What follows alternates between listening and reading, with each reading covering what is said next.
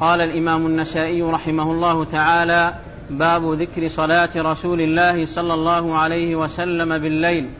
وقال أخبرنا إسحاق بن إبراهيم قال حدثنا يزيد قال أخبرنا حميد عن أنس رضي الله تعالى عنه قال ما كنا نشاء أن نرى رسول الله صلى الله عليه وسلم في الليل مصليا إلا رأيناه ولا نشاء أن نراه نائما إلا رأيناه. بسم الله الرحمن الرحيم. الحمد لله رب العالمين. وصلى الله وسلم وبارك على عبده ورسوله نبينا محمد وعلى آله وأصحابه أجمعين. أما بعد يقول النسائي رحمه الله باب ذكر آه، صلاة رسول الله صلى الله عليه وسلم بالليل. آه، المقصود من هذه الترجمة بيان ما كان عليه الرسول الكريم عليه الصلاة والسلام من الصلاة في الليل وأنه صلى الليل في أوقات الليل كله يعني لم يكن ثابتا على وقت معين من الليل يلتزمه ولا يتركه لا يتقدم عليه ولا يتأخر بل كان يصلي من أول الليل ومن وسطه ومن آخره. ولهذا جاء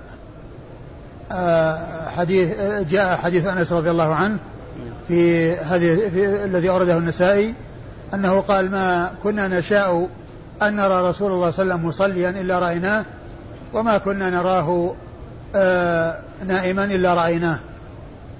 يعني أنه ليس هناك وقت محدد ثابت يصلي فيه وإنما كان في جميع الأوقات أحيانا يكون فيها مصليا في في بعضها يكون مصليا والبعض الآخر الذي يكون فيه مصليا يكون فيه نائما في أحيان أخرى.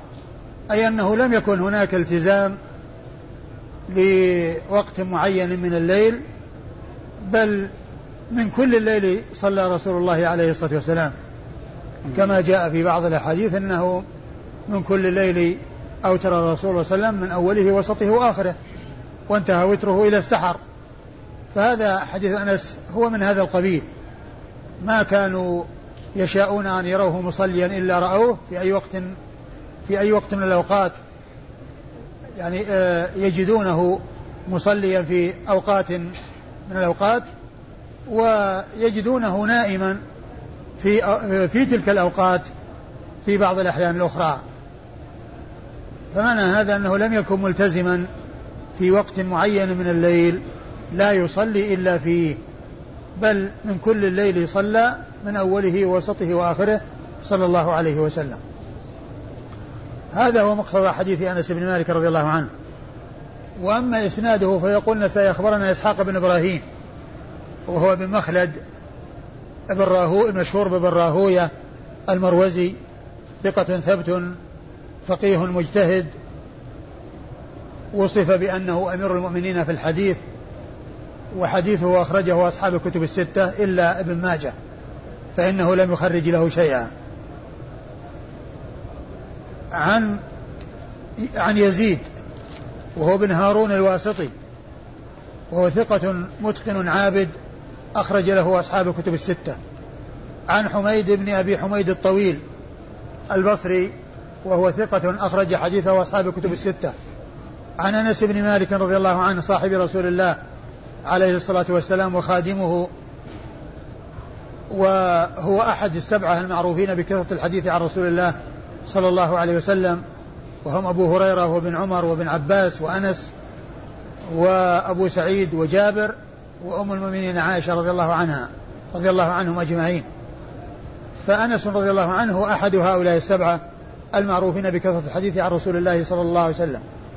وهذا الحديث إسناده رباعي بين بين النساء فيه وبين رسول الله عليه الصلاة والسلام أربعة أشخاص وهو من أعلى الأسانيد عند النسائي لأنه ليس عند النساء أعلى من من الرباعيات ليس عنده ثلاثيات أعلى ما عنده الرباعيات. أما البخاري فعنده رباعيات ثلاثيات وهي اثنان وعشرون حديثا ثلاثيا بين البخاري فيها وبين رسول الله صلى الله عليه وسلم ثلاثة أشخاص. والترمذي عنده حديث واحد ثلاثي وابن ماجه عنده خمسة أحاديث ثلاثية وهي بإسناد واحد ضعيف. كلها بإسناد واحد وذلك الإسناد ضعيف. وأما مسلم وأبو داود والنسائي فليس عندهم ثلاثيات بل أعلى ما عندهم الرباعيات. مثل هذا الإسناد الذي معنا هو من أعلى ما يكون عند النسائي. إسحاق بن إبراهيم عن يزيد بن هارون عن حميد الطويل عن أنس. أربعة بين النساء وبين رسول الله صلى الله عليه وسلم. نعم. وقال أخبرنا هارون بن عبد الله قال حدثنا حجاج قال ابن جريج عن أبيه أخبرني ابن أبي مليكة أن يعلى بن مملك أخبره أنه سأل أم سلمة رضي الله تعالى عنها عن صلاة رسول الله صلى الله عليه وسلم فقالت كان يصلي العتمة ثم يسبح ثم يصلي بعدها ما شاء الله من الليل ثم ينصرف فيرقد مثل ما صلى ثم يستيقظ من نومه ذلك فيصلي مثل ما نام وصلاته تلك الآخرة تكون إلى الصبح. تعيد المتن عيد المتن المتن.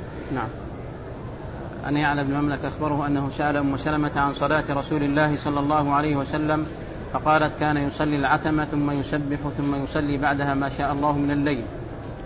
أيوة. ثم ينصرف فيرقد مثل ما صلى ثم يستيقظ من نومه ذلك فيصلي مثل ما نام وصلاته تلك الآخرة تكون إلى الصبح. ثم أورد النسائي حديث أم سلمة رضي الله تعالى عنها وأرضاها وهي أن أنها أخبرت أن رسول الله صلى الله عليه وسلم, صلى الله عليه وسلم يصلي العتمة وهي العشاء ثم يسبح يعني يصلي النافلة يعني يصلي النافلة الراتبة التي بعد بعد الصلاة ثم بعد ذلك يصلي ما شاء من الليل الذي هو قيام الليل ثم ينام مقدار ما صلى. ثم يستيقظ فيصلي مثل ما نام وذلك آه، يكون عند الصبح يعني تلك الصلاة تكون عند الصبح. إيش اللفظ يقول؟ نعم أنه كان؟ ثم يستيقظ منه فيصلي مثل ما نام وصلاته تلك الآخرة تكون إلى الصبح. وصلاته تلك الآخرة تكون إلى الصبح. يعني معناها أن الرسول صلى الله عليه وسلم يصلي صلاتين وبينهما نوم بمقدار الصلاة التي قبلها. يعني معناها أنه كان يصلي آه بعد صلاة العشاء وبعد الراتبة آه ثم ينام مقدار ما صلى ثم يقوم ويصلي وصلاته تلك إلى الصبح. وصلاته تلك إلى الصبح. هذا هو حديث أم سلمة رضي الله تعالى عنها وأرضاها. يعني من هذه من هذه الطريق كان فيه صلاة وبعدها نوم ثم بعد ذلك صلاة ثم بعد ذلك يأتي الفجر. والإسناد؟ نعم. قال أخبرنا هارون بن عبد الله. أخبرنا هارون بن عبد الله وهو الحمال البغدادي. لقبه الحمال وهو بغدادي ثقة أخرج حديثه مسلم وأصحاب السنن الأربعة. مسلم وأصحاب السنن الأربعة. عن حجاج. عن عن حجاج عن حجاج بن محمد المصيصي وهو ثقة أخرج له أصحاب الكتب الستة. عن ابن جريج وعبد الملك بن عبد العزيز بن جريج المكي وهو ثقة فقيه يرسل ويدلس. يروي عن أبيه عبد العزيز بن جريج المكي وهو لين الحديث وحديثه أخرجه أصحاب السنة الأربعة.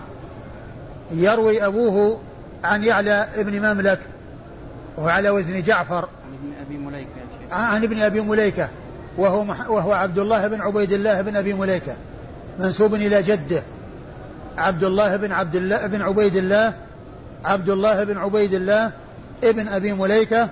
وهو ثقة فقيه أخرج له أصحاب الكتب الستة. عن يعلى بن مملك وهو بوزن جعفر وهو مقبول أخرج حديثه آه البخاري؟ في الأدب البخاري في الأدب المفرد أبو داود والترمذي والنسائي. البخاري في الأدب المفرد وأبو داود والترمذي والنسائي.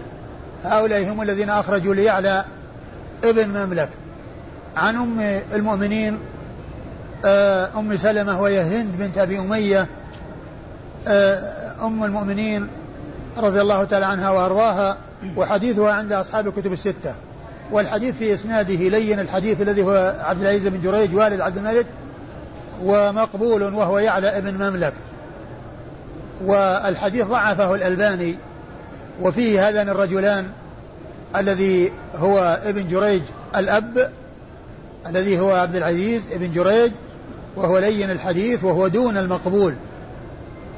وفيه يعلم المملكة وهو مقبول والمقبول هو الذي يوجد له متابع فيكون حديثه مقبولا بسبب المتابعة. وإذا لم يكن له متابع فإنه يوصف بأنه لين الحديث. شيخ كتابة أنا بمعنى أخبرنا أو أنبأنا؟ إيش؟ يقول أنا حجاج بمعنى حدثنا أو أنبأنا؟ أنا؟ أي نعم. أخبرنا لأن أنبأنا ما ما تختصر. الاختصار لأخبرنا. الاختصار لحدثنا وأخبرنا أما أنبأنا فهي لا يجري عليها الاختصار. لا يختصرونها بالحروف وإنما يختصرون أخبرنا وحدثنا. حدثنا فيها ناء وثنى ودثنا وأخبرنا فيها فيها أنا وأرنا وأبنا. يعني آه وأما أنبأنا فإنها لا تختصر. يؤتى بها على ما هي عليه. فالرموز هي في حدثنا وأخبرنا فقط. وقال أخبرنا قتيبة قال حدثنا الليث عن عبد الله بن عبيد الله بن أبي مليكة عن يعلى بن مملك أنه سأل أم سلمة زوج النبي صلى الله عليه وسلم عن قراءة رسول الله صلى الله عليه وسلم وعن صلاته فقالت ما لكم وصلاته؟ كان يصلي ثم ينام قدر ما صلى ثم يصلي قدر ما نام ثم ينام قدر ما صلى حتى يصبح ثم نعتت له قراءته فإذا هي تنعت قراءة مفسرة حرفا حرفا. نعم أنه سأل أم سلمة زوج النبي صلى الله عليه وسلم عن قراءة رسول الله صلى الله عليه وسلم وصلاته. نعم. فقالت ما لكم وصلاته؟ كان يصلي ثم ينام قدر ما صلى ثم يصلي قدر ما نام ثم ينام قدر ما صلى حتى يصبح ثم نعتت له قراءته فإذا هي تنعت قراءة مفسرة حرفا حرفا. ثم أورد النسائي حديث أم سلمة من طريق أخرى وفيه أنه كان يصلي ثم ينام ثم يقوم فيصلي مثل مثل ما نام ثم آه ينام. وهذا فيه يختلف عن الذي قبله بأن فيه زيادة النوم بعد الصلاة الثانية. يعني فيه صلاة ثم نوم ثم صلاة ثم نوم. صلاة ثم نوم ثم صلاة ثم نوم. والطريقة السابقة فيها صلاة ثم نوم ثم صلاة ثم الفجر ثم طلوع الفجر. و والإسناد؟ قال أخبرنا قتيبة. أخبرنا قتيبة بن سعيد بن جميل بن طريف البغلاني ثقة ثبت أخرج له أصحاب الكتب الستة. عن عن الليث. عن الليث بن سعد المصري ثقة فقيه أخرج حديثه أصحاب الكتب الستة. عن عبد الله بن عبيد الله بن أبي عن عبد الله بن عبيد الله بن أبي مليكة وهو ثقة أخرج له أصحاب الكتب الستة وهو الذي مر ذكره في الإسناد الذي قبل هذا. هناك غير منسوب وهنا منسوب. الطريقة السابقة غير منسوب وفي هذه الطريقة منسوب. عبد الله بن عبيد الله بن أبي مليكة. عن يعلى بن أبي مليكة. عن يعلى ابن مملك عن يعلى ابن مملك وقد مر أنه مقبول وأن حديثه أخرجه البخاري في الأدب المفرد وأبو داود والترمذي والنسائي. عن عن أم سلمة وقد مر ذكرها. والحديث مثل الذي قبله فيه يعلى ابن مملك وهو مقبول. نعم. قال باب ذكر صلاة نبي الله داود عليه السلام بالليل. وقال أخبرنا قتيبة قال حدثنا سفيان عن عمرو بن دينار عن عمرو بن أوس أنه سمع عبد الله بن عمرو بن العاص رضي الله تعالى عنهما يقول قال رسول الله صلى الله عليه وسلم أحب الصيام إلى الله عز وجل صيام داود عليه السلام. كان يصوم يوما ويفطر يوما وأحب الصلاة إلى إلى الله صلاة داود. كان كان ينام نصف الليل ويقوم ثلثه وينام سدسه. ثم أورد النسائي آه، صلاة داود عليه الصلاة والسلام. ورد في حديث عبد الله بن عمرو بن العاص رضي الله تعالى عنهما أنه قال إن أحب الصيام إلى الله صيام داود كان يصوم يوما ويفطر يوما. يصوم يوما ويفطر يوما. وأحب القيام وأحب القيام القيام إلى الصلاة.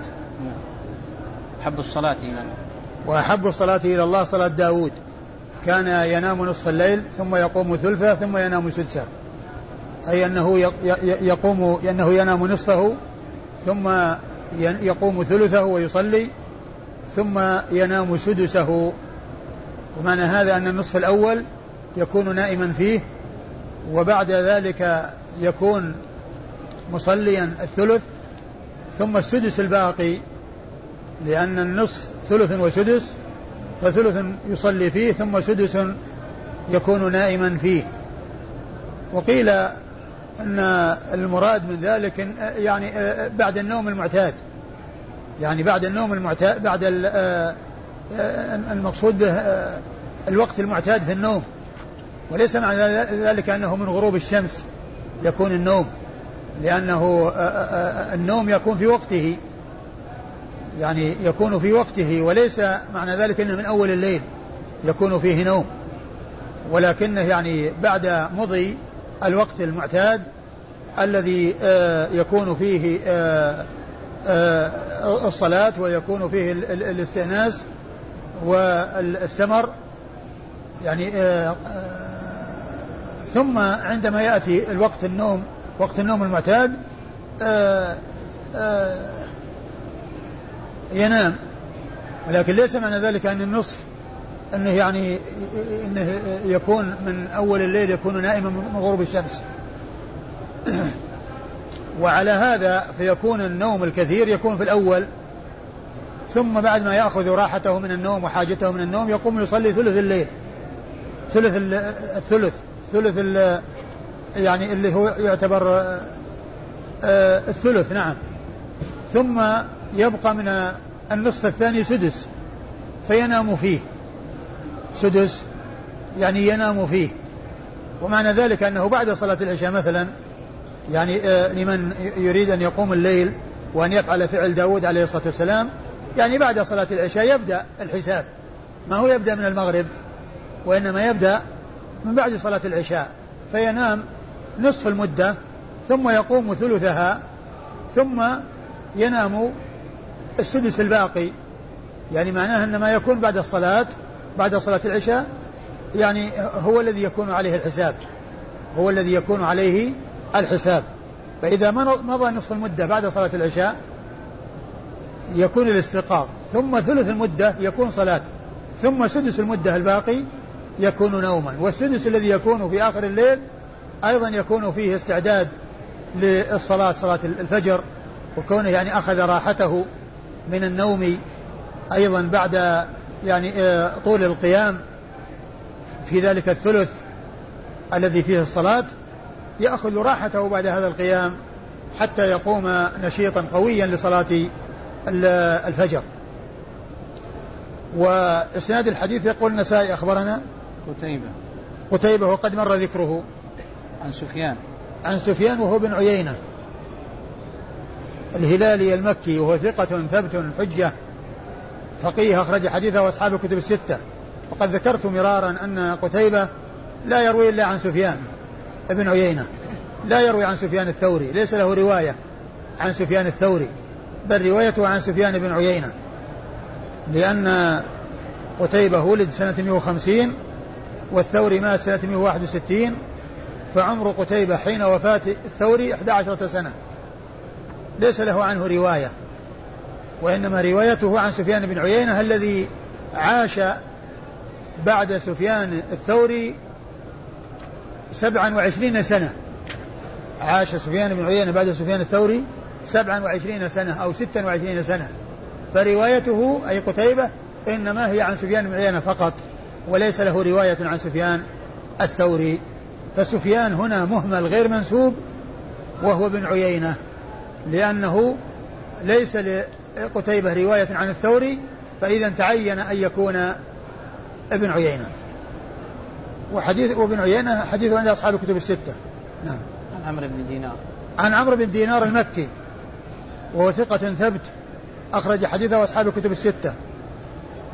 عن عن عمرو بن أوس. عن عمرو عن عمرو بن أوس ابن أبي أوس الثقفي وهو ثقة تابعي كبير أخرج له و وعده بعضهم في الصحابة وقال الحافظ أن أن هذا وهم يعني عده في الصحابة وحديثه أخرجه أصحاب الكتب الستة. يروي عن عبد الله بن عمرو ابن العاص رضي الله تعالى عنهما صحابي ابن صحابي وحديثه عند أصحاب الكتب الستة. ومما يذكر عند ذكر عبد الله بن عمرو وأبيه أن أباه تزوج وهو صغير بلغ وهو صغير وتزوج وهو صغير وولد له وهو صغير. ويقال إنه ليس ان إن عمرو أكبر من ابنه بثلاث عشرة سنة. عمرو أكبر من ابنه عبد الله بثلاث عشرة سنة. يعني أنه ولد له وهو ابن ثلاث عشرة سنة الذي هو عمرو بن العاص. ولد له عبد الله ابن عمرو وعمره ثلاث عشرة سنة. نعم. شيخ هذه نسختنا ما فيها توثيق ذكر عمرو بن أويس يعني نعم. درجة. نعم. نسختنا هذه التقريب. ما إيه. فيها درجة عمرو بن أويس نعم. بس إنه هو ثقة. لا ويعني فيهم من عده في الصحابة. والحديث في البخاري. في تهذيب التهذيب وثقه ابن حبان فقط يا شيخ. نعم. يقول في تهذيب التهذيب وثقه إيه؟ ابن حبان. بس؟ بس. ما ذكر وذكروا سند عن أبي هريرة. أه. قال تسالوني فيكم عمرو بن بن أبي أوس أو ابن أي نعم ابن أوس يعني توثيق. أي نعم. نعم. هذا هو التوثيق يا شيخ. نعم. قال كونه عدة في الصحابة؟ نعم. يعني بعض الناس يمكن ما يتكلم فيه أو لا يذكر فيه توثيقا لأنه ذكر في الصحابة. ولهذا يعني أحيانا عندما يقال يعني مختلف في صحبته أو آه، قيل إنه صحابي وقال فلان آه، ثقة. على اعتبار إنه ليس بصحابي. وقال ابن حجر يا شيخ تابعي كبير ما هو توثيق يا شيخ؟ نعم. تابعي كبير. آه، إذا كان المقصود بالكبر الكبر المعنوي فهو توثيق. وأما إذا كان إنها يعني المقصود به الكبر الذي هو كونه من المتقدمين أو كذا يعني فهو مو توثيق لكن هو في الغالب انه توثيق. يعني من كبار التابعين. يعني معناه انها وإن كان ان الكبر كما هو معلوم التابعين فيهم كبار وأوساط وصغار فإذا كان من الكبار اللي هو على حسب الزمن فهذا مو توثيق. قال باب ذكر صلاة نبي الله موسى عليه السلام وذكر الاختلاف على سليمان التيمي فيه وقال أخبرنا محمد بن علي بن حرب قال حدثنا معاذ بن خالد قال أخبرنا حماد بن سلمة عن سليمان التيمي عن ثابت عن أنس بن مالك رضي الله تعالى عنه أن رسول الله صلى الله عليه وسلم قال أتيت ليلة أسري بي على موسى عليه السلام عند الكثيب الأحمر وهو قائم يصلي في قبره.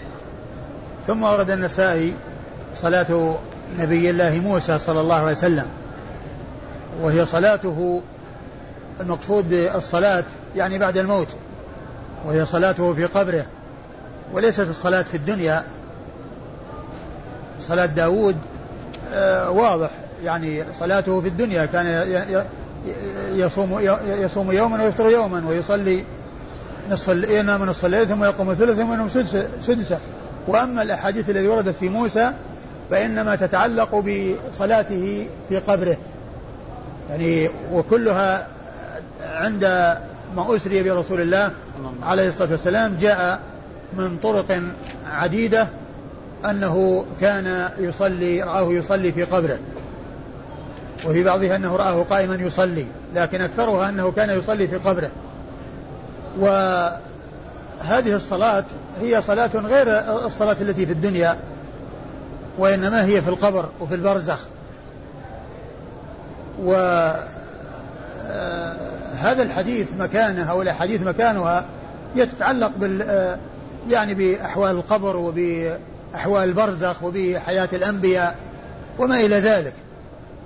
لكنه أتى به هنا بصلاة الليل أو تحت كتاب قيام الليل. لعل ذلك لأنه كان يعني ذلك في ليلة الإسراء لأنه كان مروره به في الليل وكان في ليلة الإسراء وكان يصلي. يعني هو في قبره في ذلك الوقت الذي هو وقت الليل. فلعل هذا هو السبب الذي جعل النسائي يرد الحديث في قيام الليل وفي كتاب قيام الليل. وإلا فإنه ألصق يعني بأحوال البرزخ وب يعني الحياة الحياة بعد الموت هذه الحياة البرزخية. وفيما يتعلق بالإيمان وأحوال القبر. هذا هو الذي يناسبه.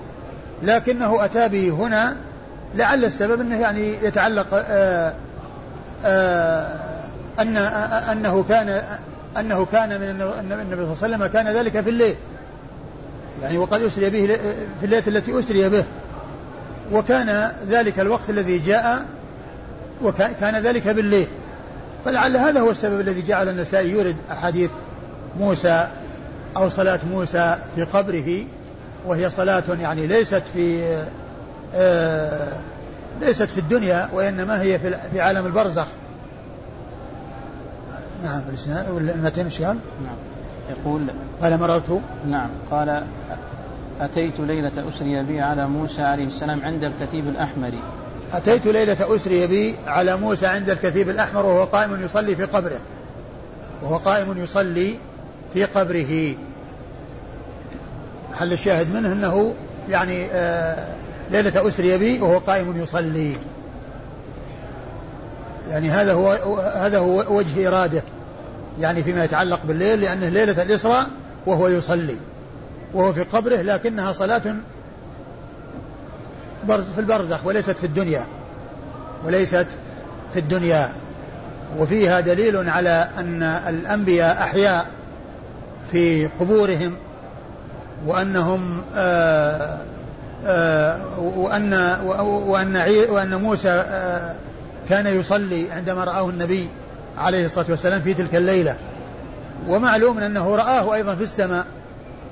رآه في السماء في السماء السادسة. وهو الذي أشار عليه بأن يرجع إلى الله و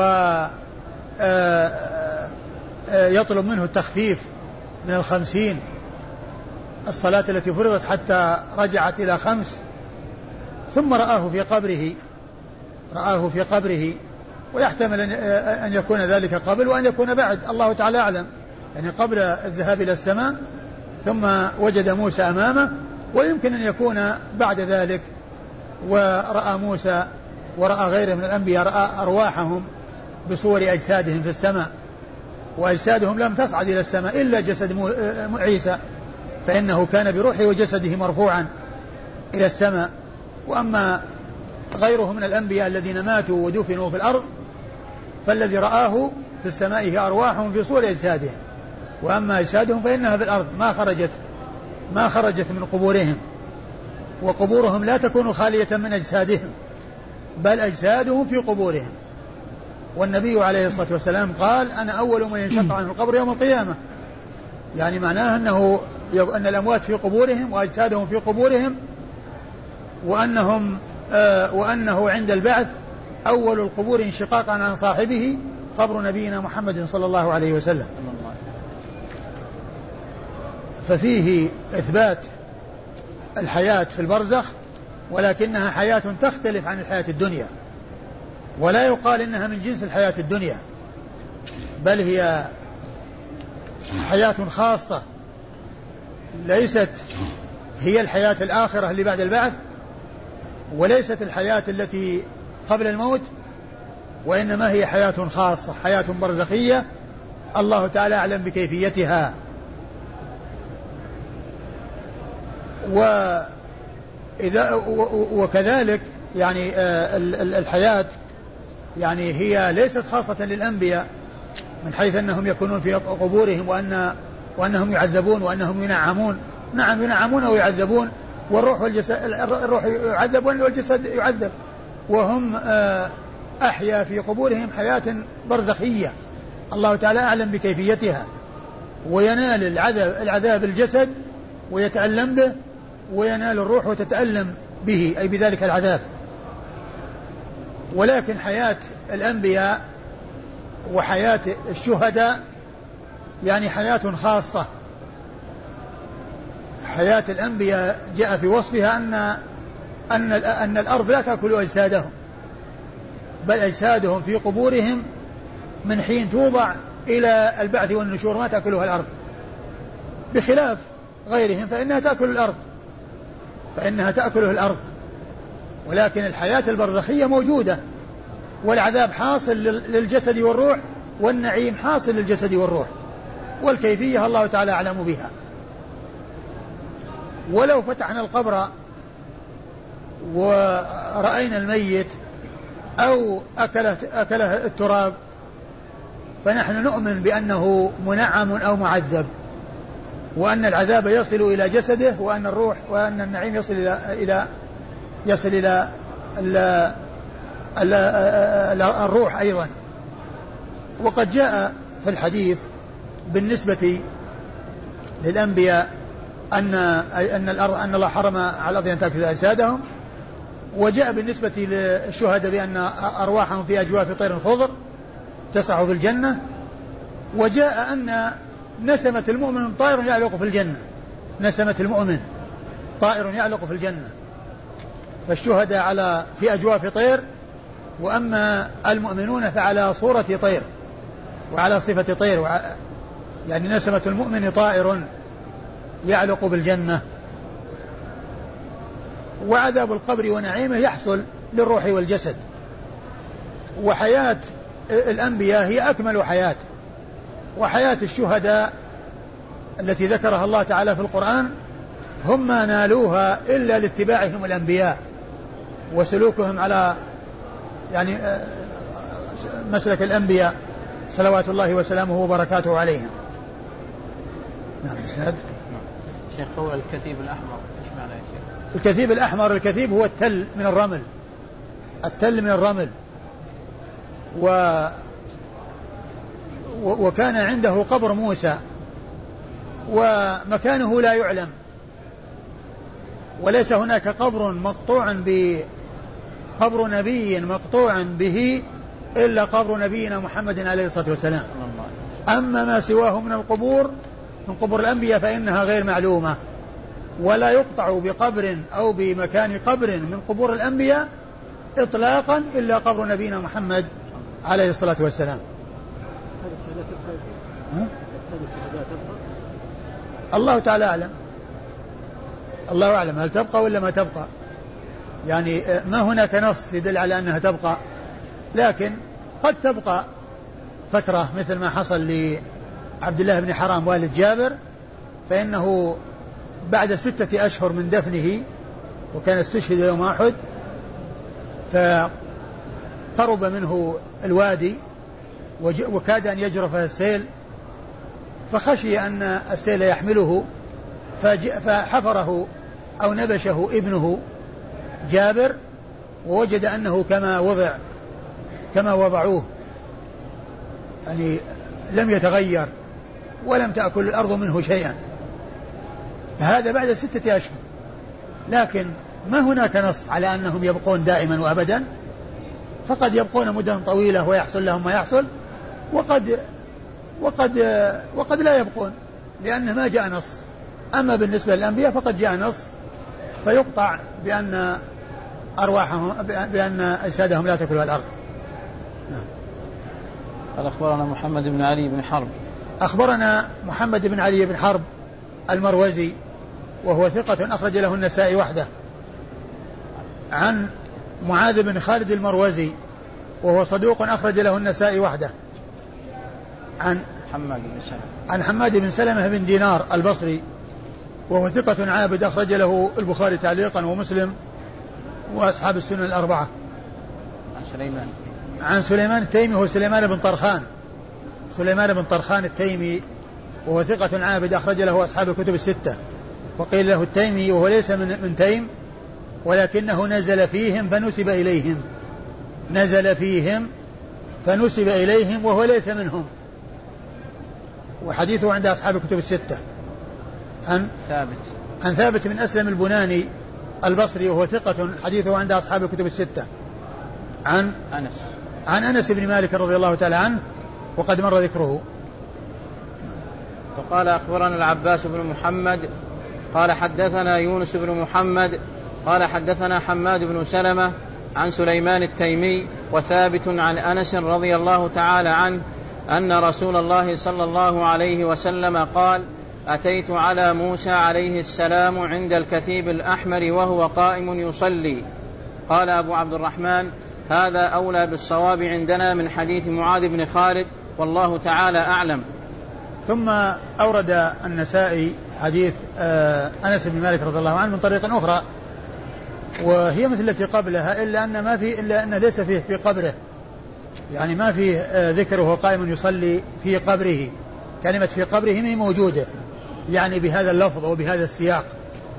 لكنها موجودة في السياق الأول. والحديث من رواية آه،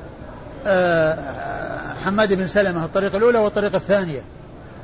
الطريقة الأولى فيها معاذ بن خالد معاذ بن خالد والثانية عيسى. الثانية عيسى يونس عيسى بن يونس, يونس بن أبي إسحاق السبيعي. آه فهي مثل التي قبلها إلا أن ما فيها ذكر القبر. لكن ذكر القبر ثابت في الطريقة التي قبلها وفي الطرق التي بعدها التي من غير طريق حماد ابن سلمة. بل من طرق أخرى فيها ذكر القبر.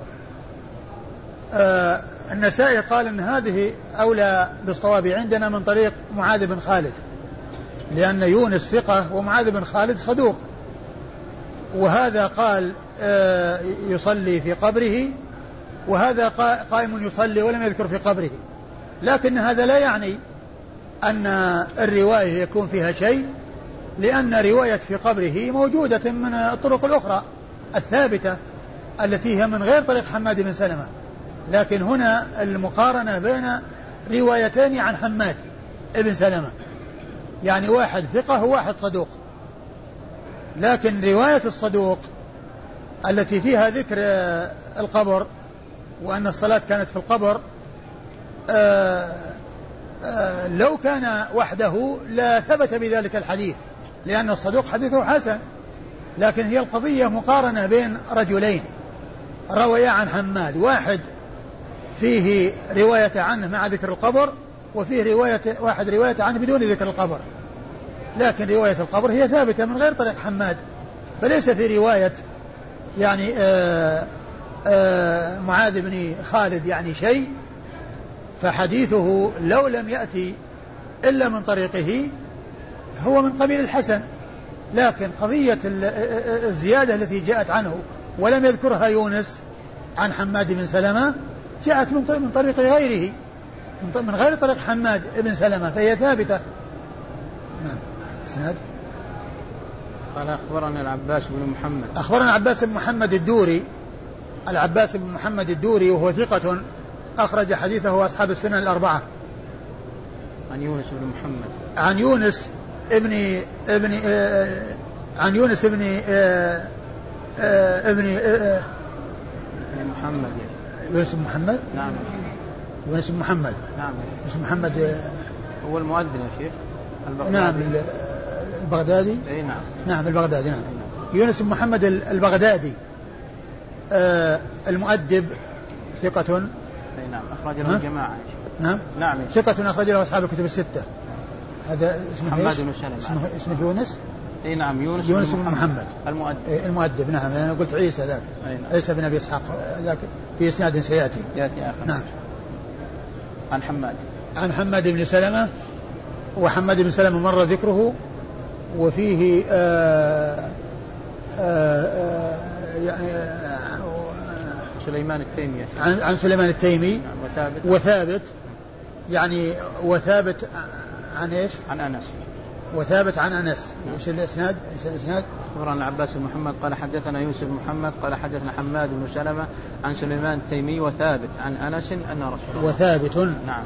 يعني الذي هو آه الذي آه حماد بن سلمة يحدث عن يعني نعم عن حماد بن يحدث عن حماد بن سلمة. نعم. يعني يحدث عن شخصين عن سليمان التيمي وعن وعن ثابت. نعم.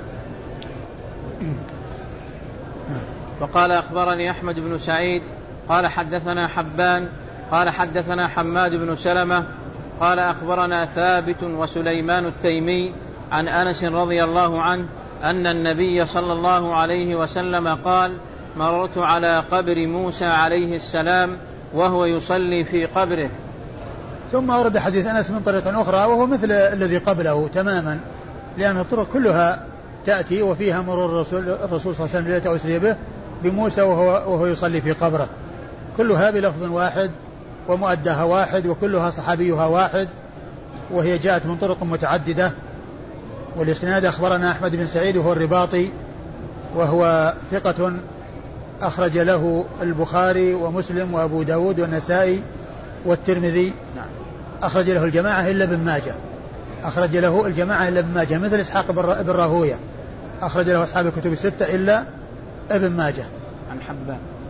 عن حبان يا شيخ. عن حبان بن هلال البصري البصري وهو ثقة ثبت أخرج له أصحاب الكتب الستة وهو حبان بفتح الحاء غير حبان في حبان عدد وحبان آه هذا الرجل وحبان بن ابن ابن واسع الذي هو آه، من التابعين هؤلاء بفتح الحاء. وفيه عدد حبان حبان بن موسى وغيره بكسر الحاء. وهذا من قبيل المؤتلف والمختلف. من قبيل المؤتلف والمختلف. يتفقان في الرسم والحروف ويختلفان في الشكل. لأن حبان وحبان الحروف واحدة إلا أن الفرق هو فتح الحاء وكسر الحاء. فالذي معنا حبان بفتح الحاء وهو ثقة متقن. وقال عنه بعض أهل العلم إليه المنتهى في التثبت في البصرة. إليه المنتهى في التثبت في البصرة وهي من أعلى صيغ التعديل. إذا قيل فلان إليه المنتهى في التثبت يعني من أعلى صيغ التعديل. وحديثه عند أصحاب الكتب الستة. نعم. عن حماد عن حماد. نعم. نعم خلاص. عن أنس وقد مر ذكرهم.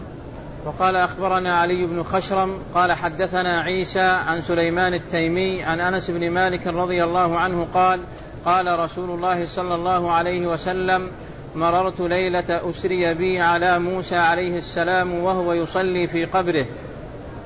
وهذا أيضا مثله من حيث المتن وأما الإسناد فيقول علي بن خشرم. علي بن خشرم المروزي وهو ثقة أخرج له مسلم وأبو داود مسلم والترمذي والنسائي.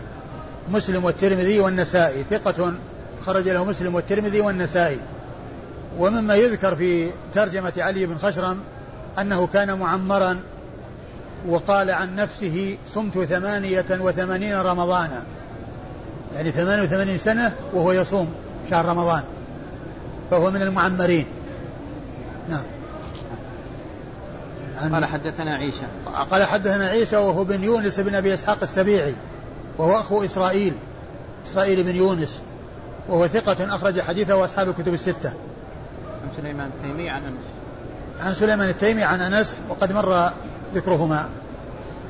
وقال أخبرنا محمد بن عبد الأعلى قال حدثنا معتمر عن أبيه عن أنس رضي الله عنه أن النبي صلى الله عليه وسلم ليلة أسري به مر على موسى عليه السلام وهو يصلي في قبره ثم أورده من طريق أخرى والمتن يعني كما هو وأما الإسناد فيقول محمد بن عبد الأعلى. محمد بن عبد الأعلى هو الصنعاني البصري وهو ثقة أخرج له مسلم وأبو داود في القدر والترمذي والنسائي وابن ماجه. عن معتمر. عن معتمر وهو بن سليمان ابن طرخان التيمي وهو ثقة أخرج حديثه أصحاب الكتب الستة. يروي عن أبيه سليمان ابن طرخان التيمي. عن أنس وقد مر ذكرهما. وقال أخبرنا يحيى بن حبيب بن عربي وإسماعيل بن مسعود قال حدثنا معتمر قال سمعت أبي قال سمعت أنس رضي الله عنه يقول حدثني بعض أصحاب النبي صلى الله عليه وسلم أن النبي صلى الله عليه وسلم ليلة أسري به مر على موسى عليه السلام وهو يصلي في قبره. ثم ورد حديث أنس من طريق أخرى وفيه أن أنسا يروي عن بعض أصحاب رسول الله عليه الصلاة والسلام. يروي عن بعض أصحاب رسول الله. ومن المعلوم أن رواية آه، روايته إنما هي عن الصحابة لأنه لأنه ما كان أدرك الإسراء. لأن الإسراء كان بمكة وهو إنما رأى النبي صلى الله عليه وسلم في المدينة. لما هاجر الرسول صلى الله عليه وسلم إلى المدينة وقصة الإسراء كانت في مكة قبل الهجرة بثلاث سنوات. قبل الهجرة بثلاث سنوات. فرواية أنس عن مثل هذا إنما هي من المراسيل الصحابة. الروايات التي مرت التي ما فيها التي ما التي آآ آآ فيها إسناد ذلك إلى الرسول صلى الله عليه وسلم هو مرسل صحابي لأنه ما حضر القصة ولا أدركها ولا أدرك الإسراء وإنما يمكن أن يكون النبي صلى الله عليه وسلم يعني سمعه من النبي صلى الله عليه وسلم يعني يحدث به بعد ذلك يعني في المدينة أو أنه سمعه من الصحابة وهنا فيه التصريح بأنه سمعه من بعض الصحابة. سمعه من بعض أصحاب رسول الله عليه الصلاة والسلام فهذا يتبين أنه تبين منه أنه مرسل صحابي. أنه مرسل صحابي. يعني الروايات التي مرت والتي يضيف المتن أنس أنس يضيف المتن إلى الرسول صلى الله عليه وسلم يعني معناها اخذها عن طريق الصحابة. وهذه الرواية فيها التصريح بذلك. وأنه إنما أخذه عن الصحابة. نعم الاسناد قال أخبرنا يحيى بن حبيب بن عربي. يحيى بن حبيب بن عربي بصري ثقة أخرج حديثه مسلم وأصحاب السنن الأربعة. وإسماعيل بن مسعود. وإسماعيل بن مسعود هو بصري ثقة أخرج حديثه النسائي وحده. عن معتمر عن معتمر عن أبيه عن أنس وقد مر ذكرهم. وقال أخبرنا قتيبة قال حدثنا ابن أبي عدي عن سليمان عن أنس رضي الله تعالى عنه عن بعض أصحاب النبي صلى الله عليه وسلم أن النبي صلى الله عليه وسلم قال ليلة أسري بي مررت على موسى وهو يصلي في قبره. ثم أورد الحديث من طريق أخرى وإسنادها. قتيبة. قتيبة قد مر ذكره. بن أبي عدي. ابن أبي عدي وهو محمد بن إبراهيم. ابن أبي عدي منسوب إلى جده وهو ثقة أخرج له أصحاب الكتب الستة. عن سليمان عن أنس عن بعض أصحاب عن سليمان عن أنس عن بعض أصحاب النبي صلى الله عليه وسلم. نعم وقد مر ذكر ذلك. أيوه انتهى؟ انتهى. والله تعالى أعلم وصلى الله وسلم وبارك على عبده ورسوله نبينا محمد وعلى آله وأصحابه أجمعين.